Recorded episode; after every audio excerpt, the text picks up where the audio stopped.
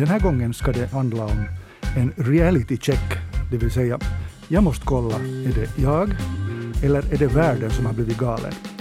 Och då menar jag börsen och den helt galna placeringsvärlden i största allmänhet. Välkommen med i pengarnas värld. Jag heter Pekka Palmgren. Och välkommen Ari Karo. Tack.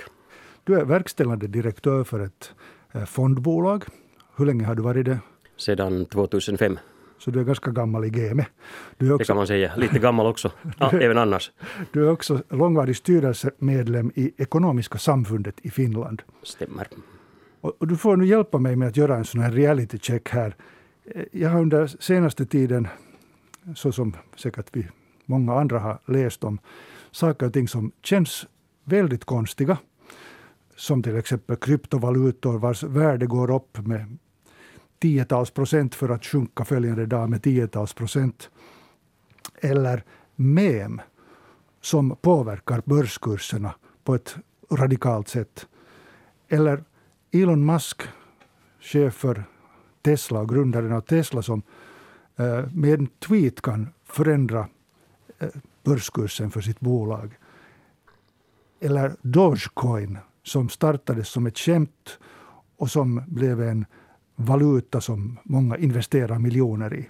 Bara för att ta några exempel. Och jag tänkte först en alldeles allmän fråga. Att, eh, är den här marknaden nu, och vi talar om Finland, är den het nu? Alltså har vi en otrolig placeringsboom på gång i Finland? För det känns så ibland. Ja, bra fråga. Eh, vad man nu menar med en otrolig placeringsboom eh, beror lite väl också på det att vad man, vad man tittar på för tillgångslag. Att det där, um, jag skulle nästan säga att vi har haft mera boom inom, inom det där bostadsaktier än, än vad vi har i börslistade företagsaktier. Uh, och jämfört med till exempel den boomen som man hade i slutet av 90-talet så tycker jag att uh, det är relativt okej okay ännu. Liksom in, in, inte, det, inte det så att folk skulle vara ointresserade av placerande. Intresset har ökat hela tiden och är på en ganska hög nivå. Men inte finns det en sån här mani som det var i slutet av 90-talet. Kan man säga att, att trenden i varje fall är stigande, växande? Den, trenden har varit stigande ähm, ja, några år redan. Ja. Främst säkert på grund av de väldigt låga räntorna. Och det som jag nu vågar påstå i varje fall är att vi talar ganska mycket mera om placerande i massmedia och eh, på Facebook, i Facebookgrupper och i sociala medier än för några år sedan. Vilket säkert också beror på att det finns så mycket mera sociala medier. Jag tänkte just fråga att vad skulle man inte tala mera om på sociala medier? Eh, I varje fall så tycker jag att, att det är intressant att till exempel mem, det vill säga små sådana videosnuttar, bilder, eh, kan påverka börskurser. no, när du nu börjar med att fråga att är det du som har blivit galen eller världen så jag är, fast jag har varit yrkesverksam inom, inom finansbranschen väldigt länge så jag är till utbildningen historiker. Och jag skulle kunna säga att världen har alltid varit galen. Och det, där, det här är ju ganska bra exempel på det. Men, men äh, i hemskt många fall, om det är någonting som är väldigt ytligt som påverkar börskurserna från en dag till en annan, så, så att säga korrigeras det ganska snabbt äh, sen under följande dagar. Och det kan hända att likviditeten äh, förblir väldigt svag. Att, att det, där, det är inte många som handlar de, de här kurserna som, som de här väldigt liksom, hur ska vi säga, triviala faktorer kan påverka. Men samtidigt så talar vi om, om den här äh, nya kulturen som har kommit in via via sociala medier. Det talades till exempel mycket om den här Reddit-gruppen uh, Wall Street Bets som, som fick uh, vissa aktier att stiga med flera hundra procent. Uh, så no något nytt finns här väl ändå? Någonting, en, en liksom massrörelse finns här väl ändå någonstans också? No, åtminstone den grejen var nu på ett sätt helt ny, ja. Men att det där... Jag menar när du säger att, när, när du sa att det inte är så många, så där var ju tiotals tusen personer åtminstone som på något vis var aktiva. Jo, det var, det var dock inte membaserat. Det, det var mera en sån här kampanj som uh, fortfarande är lite öppet att om det startades som en så att säga äkta folkrörelse uh, inom sociala medier eller om det fanns också delvis liksom uh, proffs bakom som nu kanske inte maskinerade fram det för att ingen skulle ha kunnat liksom tänka sig att det blir så där stort, men som ändå ville påverka åt det hållet. Men, men det, är en, det är en helt, det är, det är en grej för ett helt program. Eh, men samtidigt så tycker jag det liksom hör ihop. Jag, jag försöker hitta en sån gemensam nämnare med, med många av de här olika fenomenen som vi läser om nu, både i finanspressen och i, i vanliga uh, mainstreamtidningar. Att här finns liksom en sån här, uh, tycker jag, en uh, iver och en, en entusiasm också. Att, ser du något bra också med, med sådana fenomen som, som att eh, sociala medier, att man diskuterar placerande sociala medier och folk kanske ser möjligheten att placera pengar istället för att låta dem bara ligga på konto eller spela på Lotto. Vilket inte heller är bra, eh, allt alltför fiffigt alternativ. Ja. Det fanns flera saker, om du sa gemensam nämnare, så, så det där, eh, vad beträffar liksom placeringsintresse bland nya placerare och bland sådana som är väldigt hur ska vi säga, drivna av sociala medier och diskussioner med andra.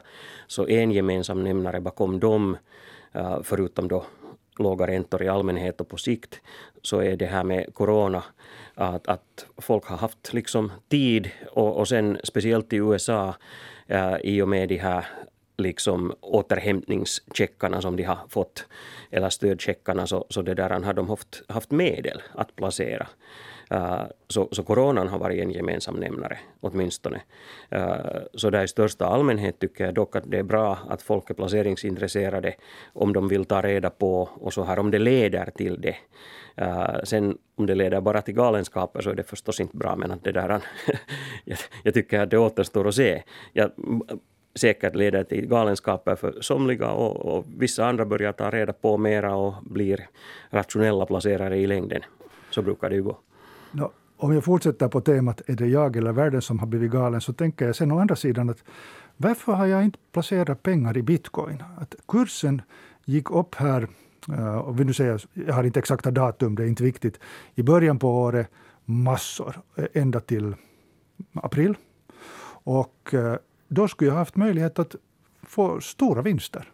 Så är det inte galenskap att stå utanför en sån här möjlighet? No, det är också galenskap att inte välja de vinnande lottonumren. kan man jämföra det då? Jag menar här, uh... no, man, kan, man kan så tillvida jämföra att om man, om man tänker att vad är, vad är liksom långsiktigt rationellt placerande uh, så det, då, det sker då när man placerar i någonting som faktiskt genererar avkastning att aktierna betalar dividender. Om, om du äger en bostad, hyr ut till någon annan så får du hyra.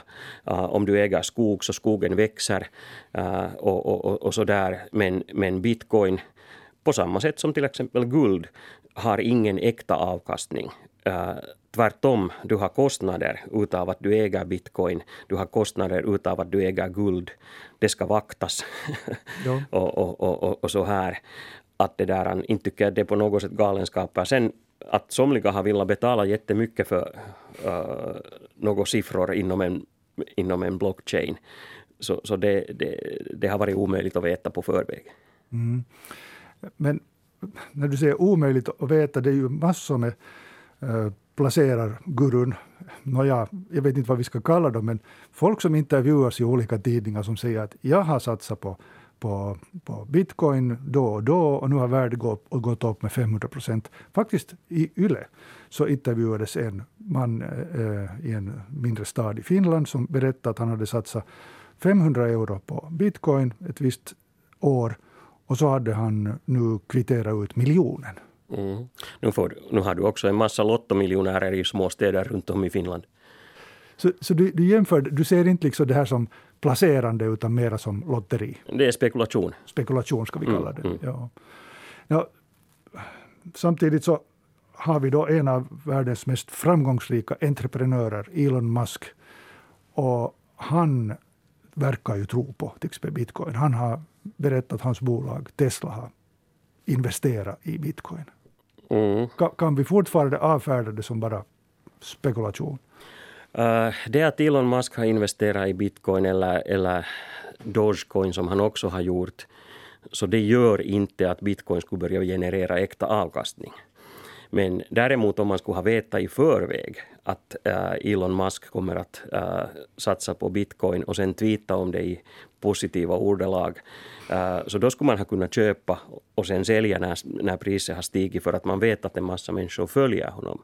Men på samma sätt när han sen plötsligt verkar få dubier beträffande liksom bitcoins uh, miljöovänlighet uh, så sen rasar kursen plötsligt snabbt igen. Och så där på sikt tror jag inte att det gör hemskt stor skillnad alltså inom eh, flera år att huruvida Elon Musk äger bitcoin eller inte. Jag läste en intressant insändare i Hufvudstadsbladet som var en reaktion på Torsten Fagerholms ledare. Torsten Fagerholm skrev att, att bitcoin är ett pyramidspel där de flesta kommer att förlora och han kallade det för, för vansinne mer eller mindre. Nu citerar jag inte honom, men det var andemeningen så som jag förstod det. Och så fick han som svar och det här har jag också nämligen fått när, när jag har diskuterat med vänner och bekanta och också fått mejl hit till, till, till YLE. Att jo, jo, att du är för gammal eller du är, hör till etablissemanget, du förstår inte. Finns här nu en liksom sån här eh, generationsskillnad eller en kulturskillnad? Att människor som är på något vis inriktade på traditionell, eh, traditionellt placerande helt enkelt inte förstår att det är en ny värld. Eh, det kan finnas den typen av faktorer på spel också. Men det gör ändå inte att bitcoin skulle plötsligt börja generera äkta avkastning. Den saken kommer inte att ändras i och med generations eh, eller olika tankesätt mellan generationer.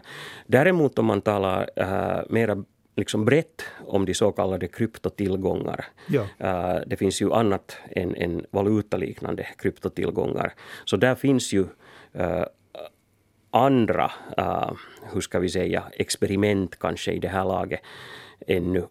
Så det där, där de har byggt in en viss möjlighet för de som går in att, att, att få äkta avkastningar. Det blir liksom lite företagsliknande istället för att så valutaliknande eller ska vi säga guldliknande.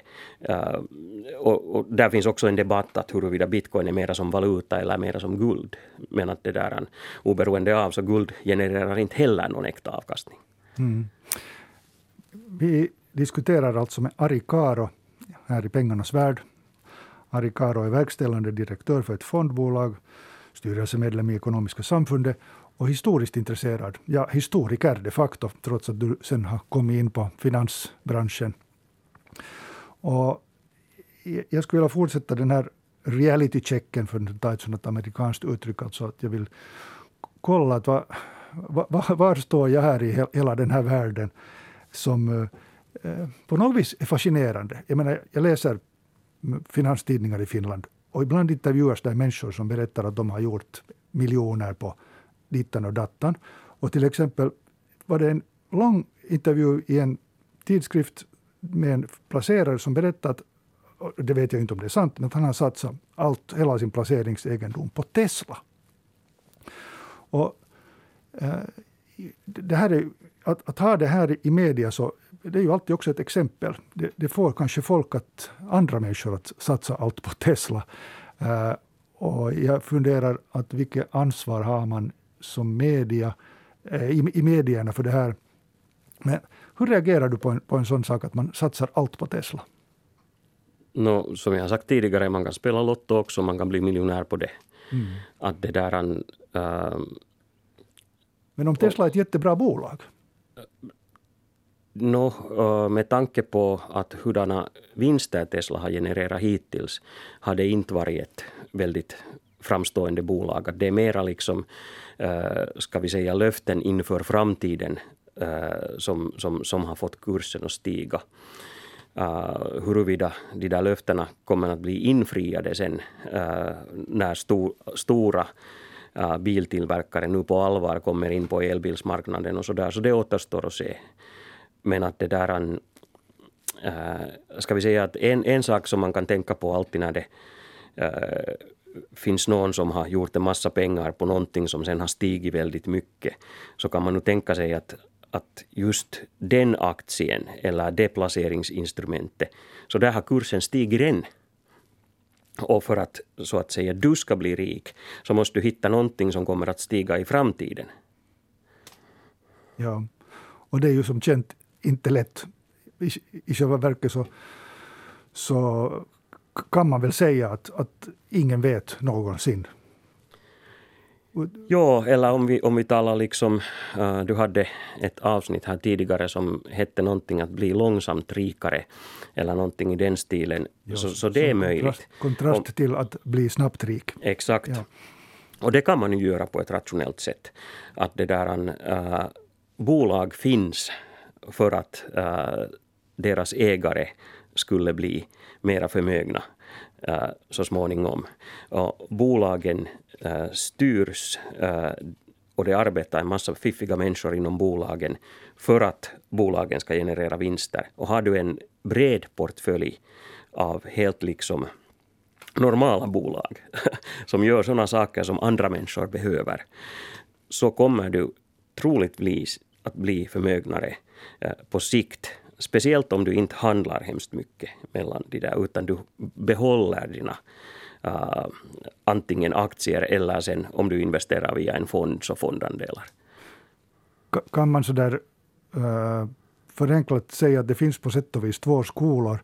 Den, det finns sådana placerare som uh, vill satsa på enskilda aktier för de har analyserat och tittat att, att det här är, kommer att bli stort inom några år. Och så finns det de som tänker att det är nästan omöjligt att veta vad som blir stort och vad som går åt, åt skogen. Så lika bra då att, att ha 25 bolag och så eh, med, om något av de här bolagen går dåligt så går något annat bra istället. Och då liksom är vinsten kanske mer moderat men den går ändå sakta uppåt hela tiden. Är det, är det, kan man säga så här? Man kan säkert säga så. Det här är två, men jag skulle säga att det här är två inriktningar inom den rationella skolan. Att, att det där, äh, den stora skillnaden är mellan placerande som är just sånt här att man försöker hitta liksom bolag som det faktiskt går bra eller sen tar man en bred portfölj eller sen placerande eller spekulation där man liksom satsar på någonting och hoppas att det ska gå upp snabbt. Och sen inom båda skolor finns det många, hur många underinriktningar som helst. Ja, det var lite det här jag ville komma till. att, att Jag tycker när jag sa här tidigare att det finns här någon gemensam nämnare mellan många av de fenomenen som vi läser om i, i både finanspressen och vanliga pressen idag så tycker jag det känns som att, att de, alla de här intressanta fenomenen handlar om spekulation. Och, och, no, det, det beror också på att, att det där... Uh, hurdan hur ska man säga, sån en attention span du har. Ja. Att, att, att, att, om, du, om du vill läsa någonting inom liksom fem minuter så ja. då är det kanske intressantare att läsa om spekulation. Men vill du läsa en hel bok så är det kanske intressantare att läsa om, om långsiktigt placerande och rationellt placerande. Här finns ännu en, ett fenomen som, som jag också har undrat över och det heter SPAC, SPAC, som betyder, vänta nu jag skrev upp det någonstans, eh, men du vet vad det är? Special Purpose Acquisition Vehicle. Och vad är det? Det är i princip alltså ett tomt skal uh, som man samlar in alltså ett bolag som, som är tomt från början. Sen samlar, in peng, samlar man in pengar i bolaget och noterar uh, den här penningshögen. Och sen ska den här penningshögen köpa upp ett onoterat bolag in till börsen och sen äger man så att säga ett riktigt bolag. Och, och till saken hör alltså att när du som investerare, som placerare sätter dina pengar på den här späcken så vet du inte ännu alls vad det ska bli. Utan det, det, så är det. det är en tom korg. Mm. Varför ska man sätta pengar i något sånt? Uh, delvis till exempel därför att uh, det finns såna uh, människor bakom det här tomma skalet eller den här, ska vi säga, penningshögen som ska användas till någonting vettigt, att du tror på de där människorna. Det är kanske den främsta orsaken. Så då kan det finnas kanske en, en verklighetsbaserad, en, en, en, vettig tanke med andra ord, så, så som jag tolkar det, om, om jag tror på de här människorna. Uh, precis, om, om de där människorna uh, faktiskt har det kunnande som krävs för att hitta ett bolag som uh, det lönar sig att ta in till börsen den här vägen, Så nu kan det bli en, en helt okej affär, men det är jättestora kostnader involverade. Och, och, jag skulle säga att en bred portfölj av späckar kommer inte att löna sig just på grund av att det är stora kostnader involverade hela tiden. Men äh, det är helt omöjligt att säga någonting om vilken som helst enskild SPAC i förväg. Det, det, här var någonting alldeles nytt för mig. Är det, är, det, är det lagstiftningen som har ändrats eller vad är det som har gjort att det plötsligt dyker upp sådana här No, där har du kanske den här placeringsboomen delvis. Att, att det där... Um, ehm, SPACA har funnits i USA jättelänge. Uh, det var en lagstiftningsändring någon gång, var det nu på 80-talet eller 90-talet. Men, men deras antal och popularitet har ökat alldeles enormt. Och sen går man tillbaka till historien, så redan på 1700-talet noterades det i, i London ett bolag uh, jag kommer inte ihåg exakt hur det lät, men någonting att of great advance, but no one is to know what it is. Uh, och det var ju en SPAC egentligen. Så att redan på 1700-talet så spekulerar man lika vilt som, som idag. Vi, vi, har inte, vi har inte förändrats som människor så mycket. Oj, absolut alltså. Då var det tulipaner och inte, inte där uh, bitcoin. Just det, den stora skillnaden. Ja. Ari Karo, tack så mycket för att du var med och, och, och hjälpte mig att göra en en sån här koll uh, var jag står i den här världen och uh, jag måste lite fundera vart jag vart jag har kommit. Tack så mycket.